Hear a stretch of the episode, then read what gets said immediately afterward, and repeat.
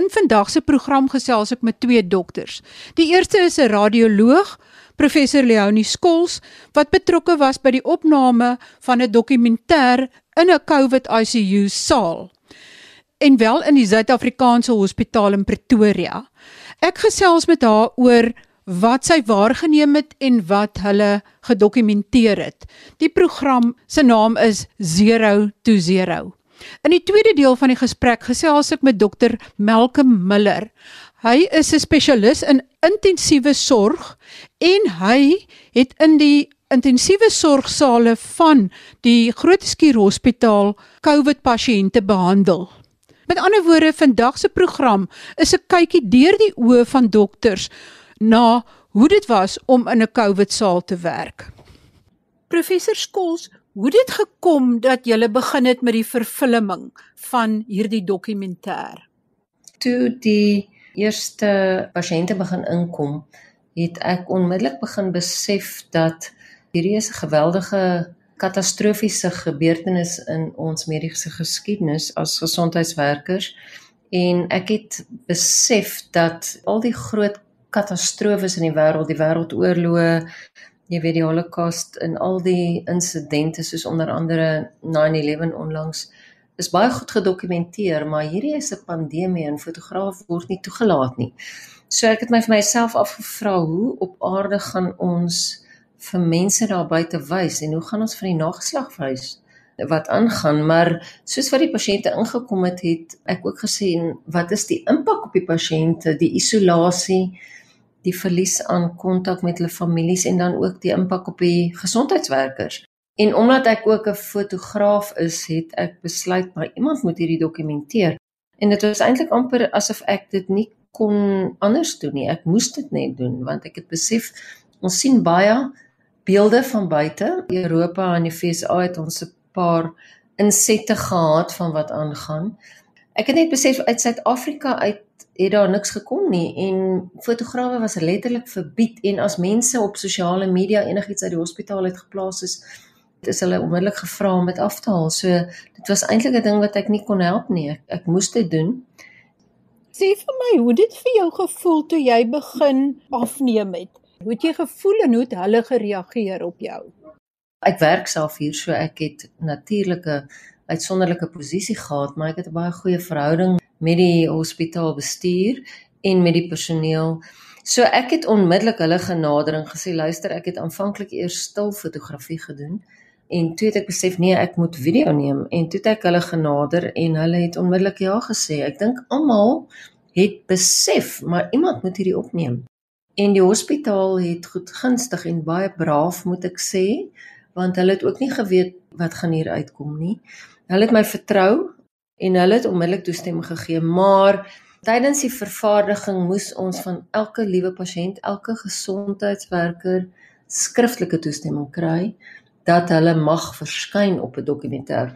Die ding het natuurlik gegroei, ehm um, Marie, want die probleem was dat aanvanklik het dit klein begin, maar soos wat die pandemie ontvou het, het dit 'n groter projek geword. Uh, met die daaropvolgende golwe. So aanvanklik het ons toestemming gevra skriftelik, maar ons het nie besef dit gaan eintlik op nasionale televisie uitgesaai word nie. So die projek het wel heeltemal geeskaleer. En weet jy wat was die ding met die gesondheidswerkers? Hulle was baie goedgunstig teenoor die projek omdat hulle wou hê hulle mense en hulle familie moet sien wat hulle deurgaan want mense het nie geweet nie. Die pasiënte moes ons toestemming vra, daar was baie min pasiënte wat nie toestemming gegee het nie. Hulle het so pyn en trauma ervaar dat ook vir hulle was dit essensieel dat hierdie boodskap moet uitgaan. So ja, ek het baie goeie respons van almal gekry. Ag hier en daar was daar pasiënte wat gesê het nee, ek wil nie my afneem nie. Maar dit verstaan mense ook ek moet sê ek was baie beïndruk met die empatie deur die verpleegpersoneel en deur die dokters wat daar gewerk het wat regtig alles van hulle kant af gedoen het ook op 'n emosionele vlak die pasiënte by te staan. Dit moes sekerlik erg gewees het om te sien dat hierdie pasiënte nie naby hulle familielede kan kom nie dat die mense vir wie hulle lief is nie by hulle kan uitkom nie.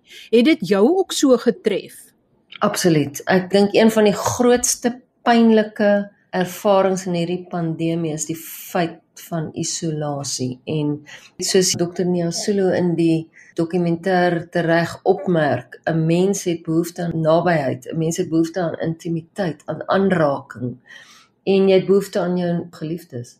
En ek dink hierdie is een absolute afgryslike insident wat mense verwyder het en wat mense isoleer het. Die normale ding is om iemand vas te hou en om 'n geliefde te troos. En die feit dat hulle nie eers met hulle geliefdes kon in aanraking kom meeste van die tyd nie, was vir my een van die grootste katastrofies van hierdie pandemie. Ja, en ons as gesondheidswerkers ook. En net om 'n klein ding te noem, as jy 'n pasiënt 'n inspuiting gee in 'n radiologie RT departement, die feit dat jy nie met jou blote hande die pasiënt se arm kan vashou nie, jy moet handskoene, jy moet daai pasiënte moes ons volledig met PPE aantrek. Dis nie normaal vir die menslike natuur nie. En Leonie, na die eerste golf toe kom die tweede golf en toe kom die derde golf waar daar eintlik nog meer mense siek geword het. Het julle oorspronklik verwag dat dit so gaan uitbrei en golf op golf gaan hê en dat dit dalk erger kan word as aan die begin? Nee, jy weet as 'n mens terugkyk in die geskiedenis na die Spaanse griep, het dit 'n paar jaar geneem en daar was golwe. Maar ek dink nie ons het daai realiteit besef nie. Ek dink meeste gesondheidswerkers het gedink jy gaan 'n groot golf kom en miskien dan daarna 'n paar kleiner is, maar ons het eintlik verwag dat hier gaan een of ander middel beskikbaar raak en ons het eintlik nie hierdie antisipeer nie en Die tweede golf was erger as die eerste en die derde golf was die heel ergste. Ons het as filmspan, ons het gedink dit gaan van pasiënt 0 gaan tot pasiënt 0, die laaste pasiënt wat met COVID in die hospitaal opgeneem is en ons het net dit nooit bereik nie. En voor ons kon dink moet ons eindig kom die tweede golf. Met die eerste golf was almal so half meganies besig om voor te berei, maar die tweede golf het almal uitgeput en die derde golf het almal verstom gehad en almal was moedeloos. En ek dink as jy nou vir ons hier gaan nog 'n groter golf kom, dan gaan almal sien nou hardop weg. Want ek dink die gesondheidswerkers, hulle was regtig regtig getraumatiseer. Want baie mense het dood gegaan en ag ek kan jou vertel van insidente waar 15 mense wag vir 'n bed en daar is daar net een of geen. Ja. En almal se die suurstof is van so 'n aard dat hulle 'n ventilator vandag moet hê. En dis baie traumaties. En nou is daar net 'n ventilator vir een of vir geen een nie. En dan is daar geen bed in die res van Pretoria nie. Dan sit die noodgevalle dokter letterlik op die telefoon konstant en soek beddens en dan word mense in, in helikopters gelaai na ander provinsies toe vir beddens. Daar het baie mense wat mense nie besef nie gesterf in parkeerareas. En, en dis 'n gruisamheid wat mense nie eens wil vir iemand beskryf nie. Of in karre, jy weet daar was daar was in die media gerapporteer daaroor dat mense letterlik rondry in 'n in 'n motor in van hospitaal na hospitaal om 'n bed te kry. Een aspek van die siekte is ons het wat hulle genoem het die happy hypoxics. Mense se suurstofvlakke daal, maar hulle voel nie kort asem nie. Hulle kan nog praat, hulle kan nog loop. En hierdie is 'n verskynsel wat mens nie voorheen gesien het nie. So as hulle dan regtig in die moeilikheid raak, was dit enige tyd van die dag. En dan het hulle geweet nou moet ek gaan of hulle het blou geraak of hulle het kon nie meer praat nie. So jy reken dat baie van die mense het miskien ook te lank gewag voordat hulle hulle gewend het vir mediese sorg. Absoluut en dis een van die ander tragedies van die pandemie, maar die feit dat mense bang was om hospitaal toe te gaan. Hulle was bang want hulle het gehoor as jy eers geventileer is, gaan jy doodgaan wat nie waar is nie. In die begin was die sterfte syfer hoog, maar mense het geleer. Die dokters het geleer hoe om hierdie pasiënte te behandel dat hulle dit wel oorleef. So mense het so by die tweede golf verskriklik bang geraak om hospitale toe te kom. So hulle het te lank gewag, ja. Daar was 'n baie duidelike weerstand teen opname want hulle het ook geweet die hospitaal is vol COVID. En die ander probleem was mense met ander probleme, die gewone goed het nie opgehou nie. Jy weet mense het nog steeds beroertes gekry in nierstene, appendisitis. Ons het baie addisionele goed gesien vanweë die pandemie en dit is by mense wat te laat ingekom het met borskaspyn, dan hy 'n hartaanval, dan sê my ek gaan die hospitaal toe nie want die hospitaal is vol COVID en gaan 'n COVID kry. So ja, daai aspek het ons baie baie baie gesien. En ons het patologie in die eindstadium gesien wat ons laas gesien het in in my huisdokterjare, jy weet waar jy op plekke gewerk het waar daar nie goeie toegang tot hospitale was nie. So mense het eintlik ander behandelbare siektes verwaarloos uit vrees dat hulle COVID sou opdoen as hulle na Absoluut. die hospitaal toe gaan. Absoluut en ons het die hele golf daarvan gesien veral hier na aan die derde golf en steeds nou. Jy weet daar was mense wat gesit het met kinders met buikpyn wat gesê het okay kan nie nou die kind kom ons begin maar net nog 'n bietjie pynstillers en dan was dit 'n uh, akute appendisitis en dan kom jy ook in met met 'n gebarste appendix en met buiksepsis en met absesse. Um, ja, dit het ons heel wat van gesien. As dan nou 'n vierde golf doen, sal julle dan weer dit dokumenteer of Nee. nee, nee, maar dit was 'n baie persoonlike reis en dit was nogal traumaties vir ons almal. Die twee boodskap primêr was om vir die mensdom te wys wat die pasiënte en die die nuwe front deurgaan, die gesondheidswerkers. Dit was die hoofdoel om hulle te eer en om vir die mense te wys wat het hierdie mense gedoen. Die byproduk wat nou later bygekom het, het het gekom met hierdie weerstand teen inenting en ek dink as 'n byproduk is dit miskien 'n goeie ding om mense te waarsku om in te ent. Kyk met die eerste golf en die tweede golf was al eintlik nog nie entstof beskikbaar nie, maar teen die derde golf was daar wel entstof beskikbaar. Het jy enige idee hoeveel van die pasiënte wat wel in die COVID ICU geëindig het, was gevaksinereer of ongevaksinereer? Ja. Minder as 3% van mense wat nou in die intensiewe sorg lê, is uh, gevaksinereer. Wat sou jy sê vir iemand wat 'n anti-vaxer is wat glad nie die vaksin wil neem nie? Ek sou maar net vir iemand sê kom kyk, kom ek vat jou intensief toe en dan kyk jy wie is gevaksinereer en wie nie. Dan lees jy die topjoernale. Dit was dan my gesprek met professor Leonie Skols, radioloog betrokke by die Suid-Afrikaanse Hospitaal en mede-vervaardiger van die dokumentêr Zero to Zero. Ek gesels met Dr Malcolm Miller. Hy is 'n spesialis in intensiewe sorg. En met die COVID pandemie was hy natuurlik baie nou betrokke en vir baie weke en selfs maande betrokke by die behandeling van pasiënte met COVID in die intensiewe sorgeenhede. Ek gaan met hom gesels oor hoe hy dit ervaar het en wat is die interessante inligting wat na vore gekom het terwyl hy in hierdie intensiewe sorgeenhede gewerk het met die COVID pasiënte.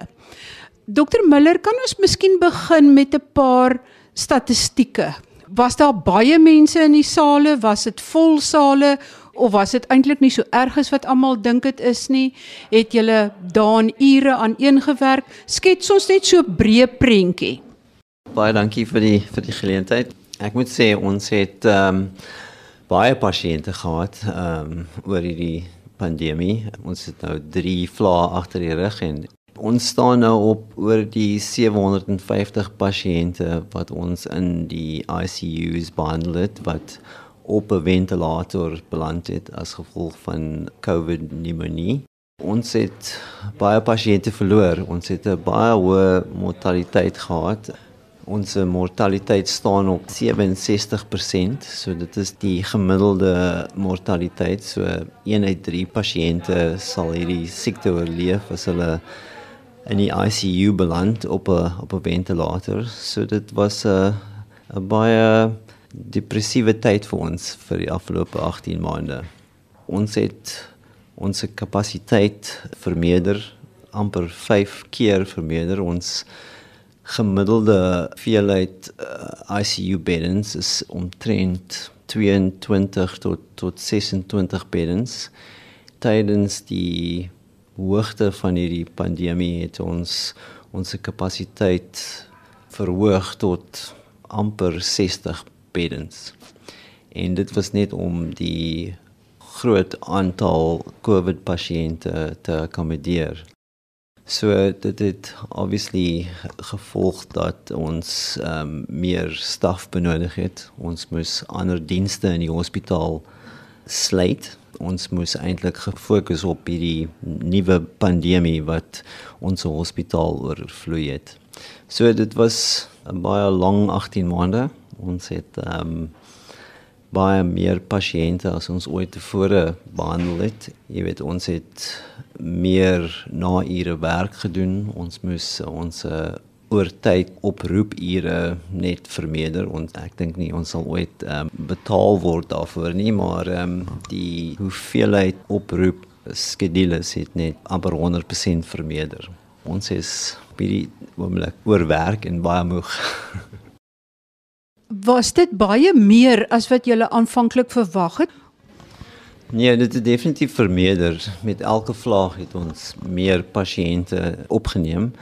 Ek dink met die Delta variant het ons die meeste hoeveelheid pasiënte gesien en hierdie derde vlaag was vir ons beslis die ergste. Ons het veel meer pasiënte gesien as wat ons ooit verwag het ons het ons uh, kapasiteit vermeerder in vergelyking met die vorige twee vlae. So ons het ehm um, tot 48 op enige oomblik 48 geventileerde pasiënte gehad en hulle bly saam met ons vir maande. Op die oomblik het ons nog steeds die oorblywende pasiënte in ICU wat tydens die hoogte van die derde vlaag toegelaat is en hulle is nog met ons en dis die pasiënte wat ons hopelik gaan deurtrek. Was daar voldoende ventilators vir die pasiënte of moes julle nog steeds al het julle julle kapasiteit uitgebrei, moes julle nog steeds pasiënte wegwys?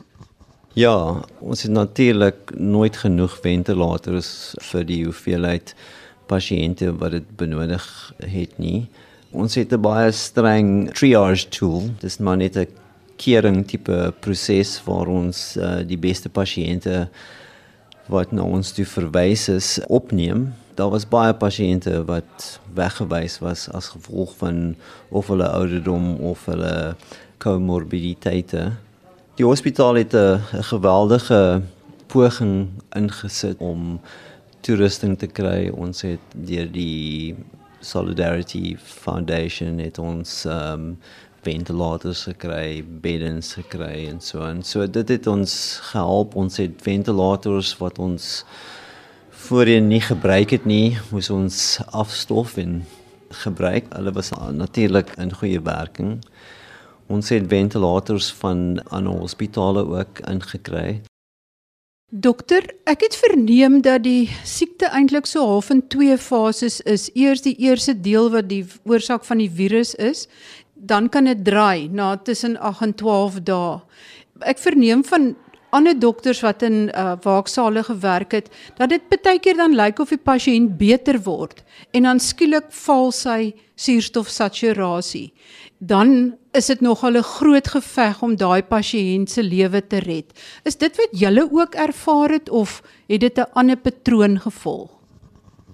Hierdie virus tas jou longe aan en um, dit veroorsaak moeilikheid met asemhaling totdat jy suurstof benodig en as jy nie op jou eie kan asemhaal om jou suurstofvlakke te behou nie, dan het jy een of ander meganiese support nodig soos 'n uh, hoë vloei suurstof meganiese ventilasie. As jy op 'n ventilator beland met hierdie siekte, het jy die ergste vorm van die infeksie. En natuurlik is daar jou liggaam se respons daarteen en dit is gewoonlik die pasiënte wat na ons toe verwys is want hulle pneumonie het nou vererger tot die punt waar hulle nie eintlik sonder 'n ventilator kan oorleef nie. Dit is maar die ergste vorm van die siekte. Maar dit is as gevolg van die virus wat ehm um, jou immuniteit oorweldig en jy is nie in staat om dit te veg nie. Dit is gewoonlik na omtrent 'n week tot 10 dae wat hierdie pasiënte uh, siek is en teen 7 tot 10 dae is hulle op hulle ergste en dis gewoonlik waar ons hierdie pasiënte sien en opneem. Ek moet sê soos 'n oorlog, jy veg teen die oorweldigende hoeveelheid pasiënte wat jy na moet kyk. Natuurlik het ons 'n baie groot mortaliteit gehad as gevolg van net die oorweldigende infeksie. En baie van hierdie pasiënte het ons met baie entoesiasme begin behandel. Ons het hopelik 'n bietjie vordering gemaak en dan dink ek as gevolg van die immuunonderdrukking wat hierdie pasiënt ervaar as gevolg van die infeksie, kry hulle ander infeksies of hulle word net erger as gevolg van die virus wat hulle longe verwoes.